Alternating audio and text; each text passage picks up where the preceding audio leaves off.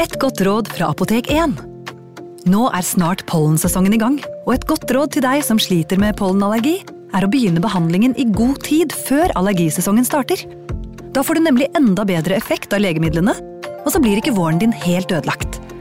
Kom innom og få råd på ditt nærmeste Apotek 1, eller chat med oss på apotek1.no. Apotek 1 vår kunnskap, din trygghet.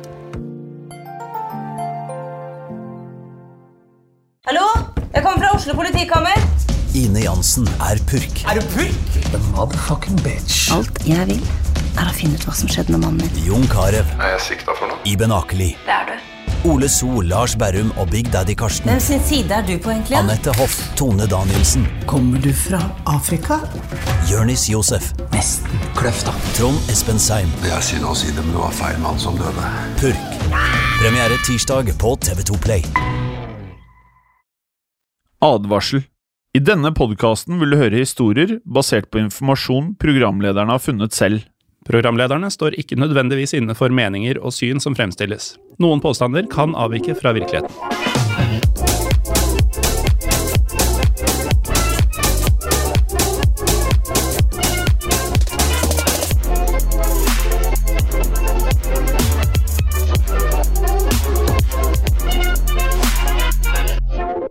Hei og velkommen til en ny episode av Historiepodden. Mitt navn er som alltid Jim Fosheim. Og mitt navn er som vanlig Morten Galaasen.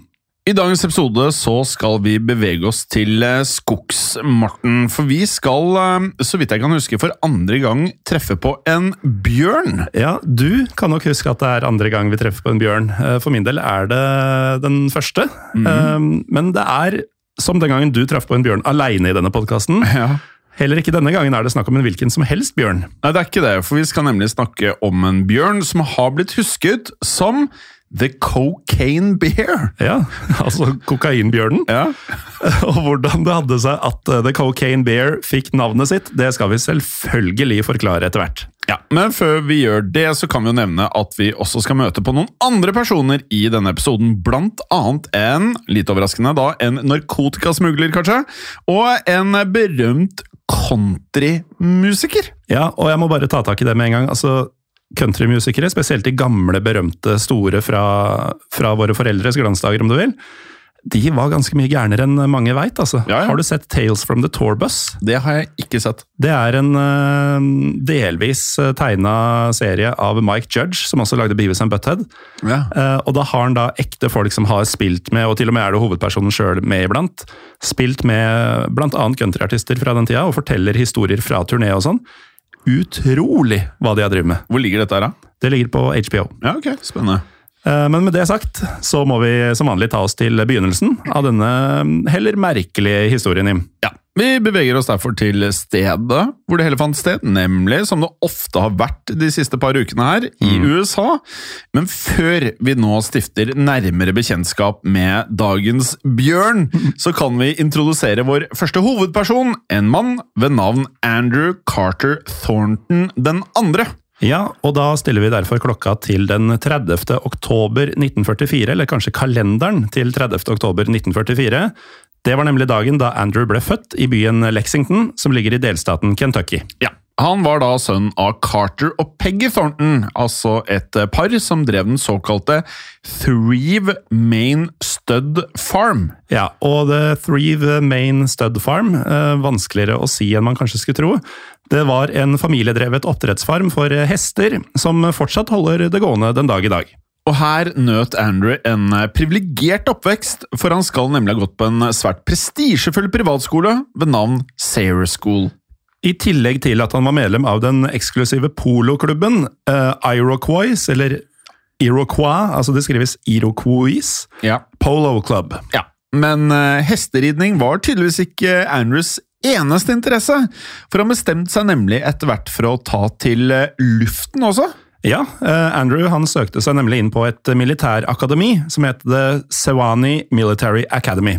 Og deretter endte han opp med å bli innrullert i den amerikanske hæren som fallskjermjeger. Ja, og i sum nå så skjønner man kanskje at Andrew var en type som eh, kanskje trengte litt mer spenning i hverdagen enn eh, de fleste andre. For eh, etter at han var ferdig i hæren, så ble han nemlig en del av Lexington-politiets Narcotics Task Force. Men dette skulle heller ikke vise seg å være det aller siste karrierestoppet til Andrew. For i 1977 så sluttet han i politiet, før han så begynte å praktisere juss. Noe som ikke hindret han fra å deretter bli en narkotikasmugler. Nei, og fra å være narkotikapoliti til jurist eh, er jo veien til narkotikasmugler kanskje ikke det mest naturlige. Nei.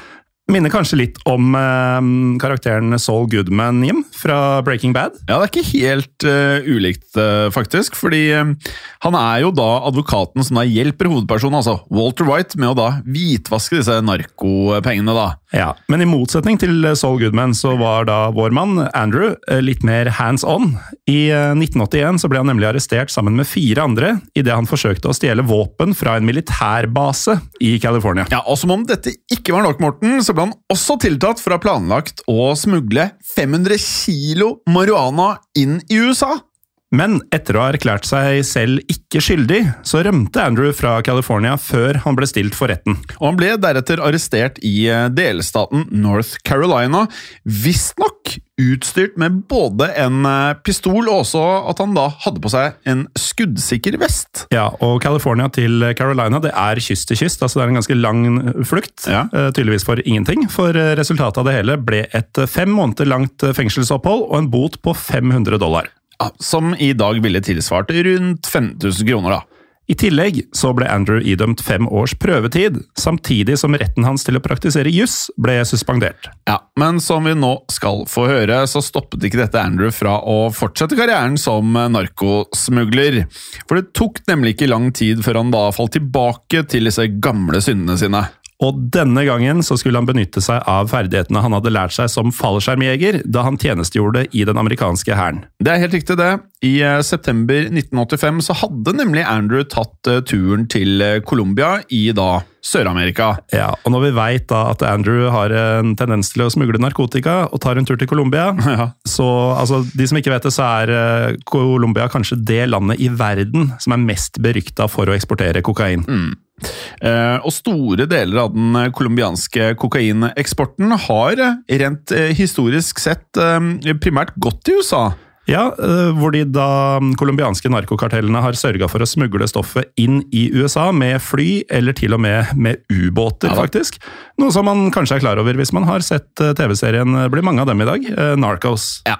Eh, og dersom man har det, da, så husker man kanskje at en av bikarakterene som da jobbet for den colombianske narkokongen, altså selveste Pablo Escobar, var en amerikansk pilot. Ja, en amerikansk pilot som hjalp Pablo Escobar da, med å fly kokain inn i USA. Ja, Og det ser da på alle måter ut til at Andrew da reiste til Colombia for å drive med noe som ikke er helt ulikt. Nei, den 11. september 1985 så var Andrew nemlig på vei tilbake til USA bak spakene på et fly. Og det var da snakk om et fly av eh, modellen Cessna, og det vet vi fra å ha sett mye filmer med smugling. Så vet vi at det er et meget eh, populært fly. En Cessna 404, som er et eh, bitte, bitte lite propellfly på ca. to tonn. Ja, og dette lille propellflyet det kan romme opptil åtte passasjerer. Men eh, selv om Andrew hadde med seg en ikke navngitt eh, medpilot, så, så var det ikke flere passasjerer enn det Ja. eh, bakover i flyet. Og nå vil jo den å- eh, våkne lytteren forstå hva som er i dette flyet. For den var stappa fullt med kokain. Eh, og idet flyet da befant seg over byen Blairsville i delstaten Georgia, så bestemte Andrew og denne medpassasjeren eh, De bestemte seg rett og slett for å bare dumpe lasten rett ut av flyet. Og det høres kanskje rart ut. Um, og så er det litt logikk, men en ganske gal logikk bak dette. fordi planen videre var at de to smuglerne skulle følge etter med fallskjerm. Ja, og nøyaktig hvorfor de hoppet eh, ut av dette flyet kan man jo bare spekulere i, men vi kan muligens da anta, Morten, at det enten hadde skjedd en form for teknisk svikt med flyet, eller at det var en eh, del av planen, rett og slett, å dumpe lasten akkurat på dette stedet, rett ut av flyet. Ja, Men eh, det vi vet med 100% sikkerhet, er at ting eh, deretter, eh, uansett om dette var planlagt så langt eller ikke, heretter så gikk det ikke som planlagt. For Alle tegn tyder nemlig på at Andrew slo hodet sitt mot halen av flyet idet han hoppa ut, og det høres jo ubehagelig nok ut. Og meget farlig. Um, og deretter så skal han da bli vikla inn i fallskjermen sin, som han dermed utløste for sent. Ja, og som en eh, følge av dette her, så endte jo da Andrew opp i rett og slett fritt fall rett ned mot bakken, der han da fikk en eh, meget hard landing og dette var da i byen Knoxville i delstaten Tennessee. Og her ble nemlig Andrew funnet uh, død i innkjørselen til en uh, mann ved navn Fred Myers, som etter hva vi kan forstå bare var en tilfeldig lokal person. Ja, Så ting har jo da åpenbart ikke gått etter planen, og Andrew ble da funnet ikledd følgende plagg. En skuddsikker vest, et par Gucci loafers, et par altså nattbriller, night vision goggles, flere kniver og to pistoler. Men det stopper vel ikke helt der, Morten? Det gjorde det ikke, for uh, Andrew landa også utstyrt med seks uh, stykker av den sørafrikanske gullmynten Krogerrand og 4500 dollar i kontanter. Ja, og For å bare sette det i perspektiv, vi er jo veldig glad i det her i Historiepodden, fordi er, vi går tilbake i tid. Det er fint å inflasjonsjustere og konvertere ting. Mm. Eh, og 4500 dollar i eh, cash, det tilsvarer pluss-minus eh, 100 000 kroner. Altså 100 000 i cash, altså. Mm. I dagens penger. Mm. Og som om ikke det var nok, da, så ble han også funnet med en grønn eh, Army duffel bag. Og denne bagen inneholdt 34 kilo med kokain noe som i dag ville hatt en verdi på 15 millioner dollar. Ja, det er brukbart, da. Uh, og det høres, det høres som en film, mm. ikke sant? Uh, med det sagt så kan vi jo da konstatere at uh, smuglerkarrieren til Andrew Carter Thornton 2. nå var over. Men utrolig nok så var ikke dette slutten på historien vår. naturlig nok, for vi skal nå skru eh, klokken litt fremover, vi. Vanligvis så går vi jo tilbake, men vi skal nå til desember 1985. Ikke mye fremover i tid, men tre måneder etter at han da rett og slett døde momentant ved å krasje i bakken foran huset til Fred Myers. Ja, så tre måneder frem og noen hundre kilometer unna stedet skal vi flytte oss altså noen hundre kilometer unna stedet der Andrew landa, ja. idet vi tar oss til delstaten Georgia. Ja, fordi det eh, vil jeg anta at alle lytterne våre nå lurer på, er hvor i all verden ble det alle mengdene med kokain? Mm -hmm. eh, og det var jo en meget verdifull last, som vi nå har konstatert. Um, og vi kan jo si da at i løpet av tiden som hadde gått siden eh, dødsfallet til Andrew, så hadde nemlig FBI-etterforskere forsøkt å finne ut nøyaktig hva som hadde skjedd. Eh, de hadde derfor satt seg eh, fore da for å finne både flyvraket og en rekke duffelbags som nå hadde blitt kastet ut av flyet. Ja, og idet de samla sammen disse bagene som de da fant, én etter én, så fant etterforskerne til slutt ni av disse, og alle romma det samme som Andrew hadde hatt på seg, 34 kilo kokain. Mm. Så med andre ord da, så var det snakk om en total last på minst 300 kilo.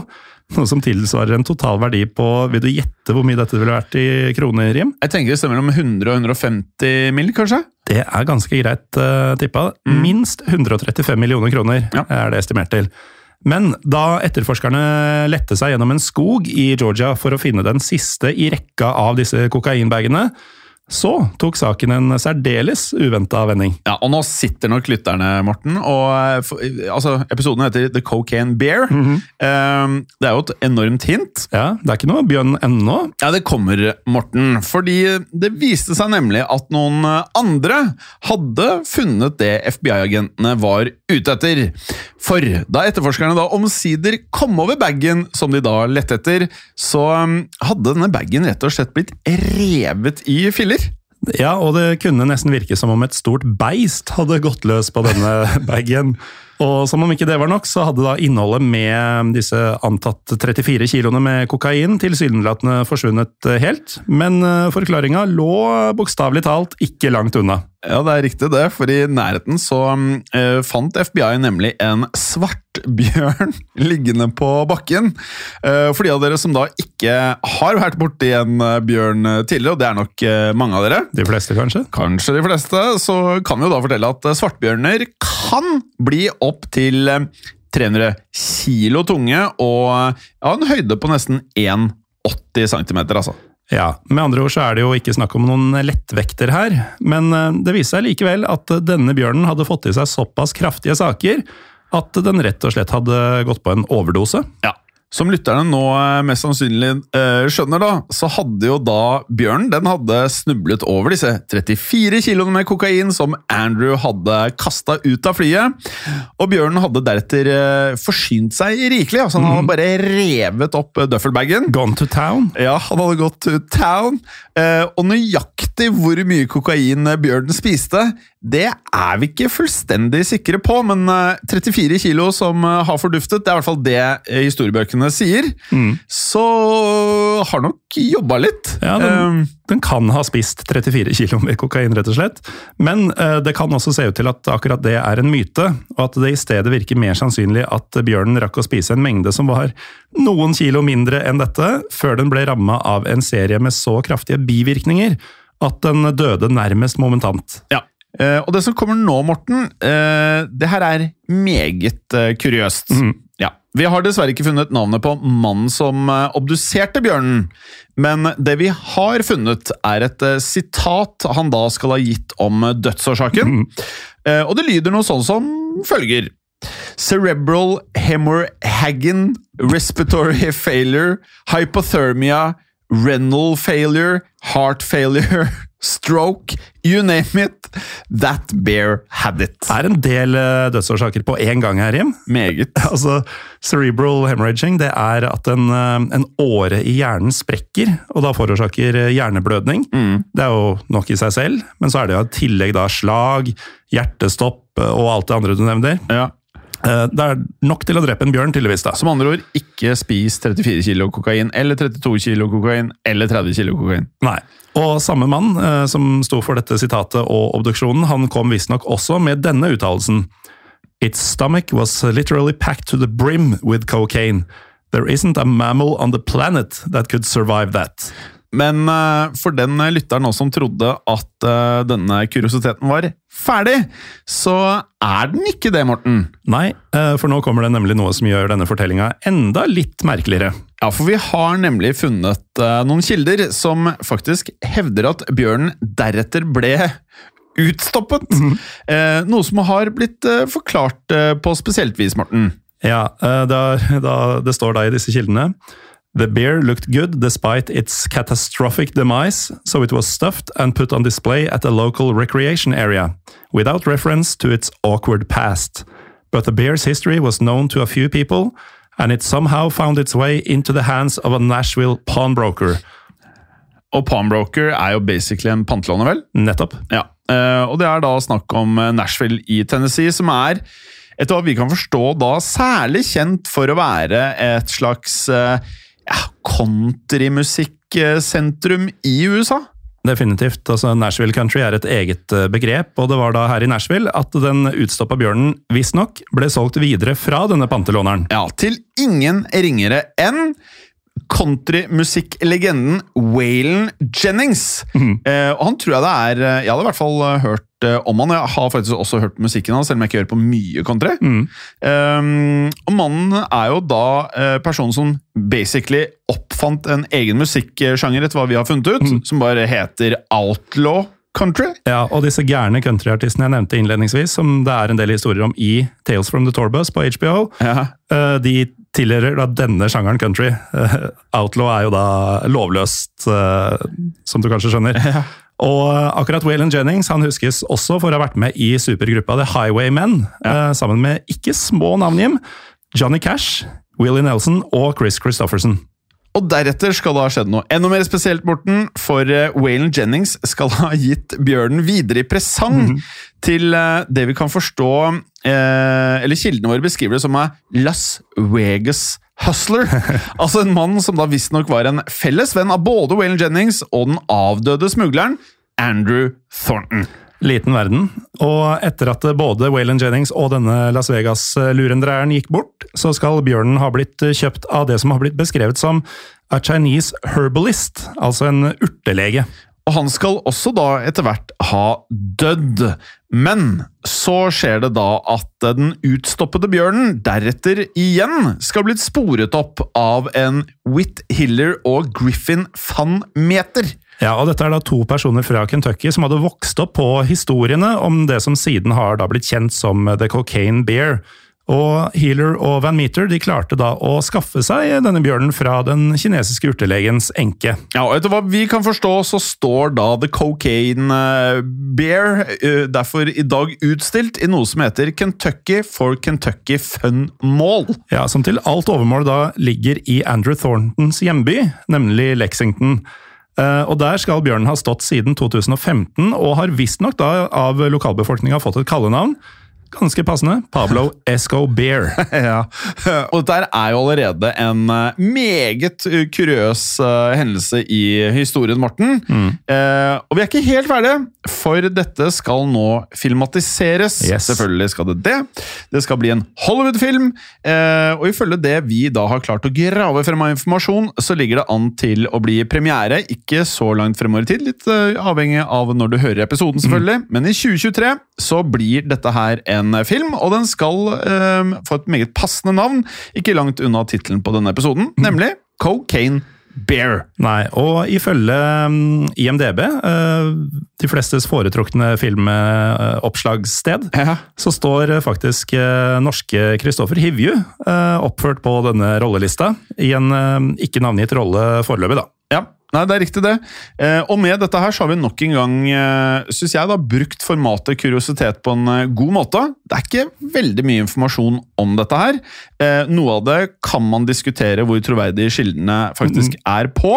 Men det vi vet, var at det var en smugler som het Andrew Thornton, som kasta masse kokain ut av et fly. Og seg selv. Og seg selv, og ble funnet død på oppkjørselen til en helt tilfeldig person. Med masse våpen og kokain på seg. Med masse våpen og kokain på seg. Og at FBI lette etter 34 kilo med kokain i en duffelbag som ble spist opp av en bjørn som da hadde magen full av kokain. Det er jo unormalt. Det er ikke normalt. Og det sjuke er jo at eh, det har skjedd. Og det kan skje igjen. Ha det bra. Historiepodden ønsker å takke følgende. Dere som hjelper oss som sitter i produksjonen. Dere som hjelper oss som sitter i redaksjonen, inkludert eh, tekstforfattere. Det er helt riktig. Og dere som sitter på marked, som faktisk da gir oss muligheten til å drive med Historiepodden. Og selvfølgelig alle dere som hører på. Tusen takk. Moderne media. Har du et enkeltpersonforetak eller en liten bedrift? Da er du sikkert lei av å høre meg snakke om hvor enkelt det er med kvitteringer og bilag i fiken, så vi eh, gir oss her, vi. Fordi vi liker enkelt. Fiken superenkelt regnskap. Hei, og takk for at du lytter til Historiepodden. Skulle du ønske at du kunne høre en ny episode av Historiepodden hver eneste uke? Vel, da er det én ting å gjøre. Da kan du laste ned podkastappen Untold med det samme. For i tillegg til ukentlige episoder av podkaster som Historiepodden andre verdenskrig, Henrettelsespodden og også Gangsterpodden, så får du masse annet reklamefritt og også eksklusivt innhold. Last ned Untold i AppStore eller Google Play og start din 30 dagers gratis prøveperiode allerede i dag.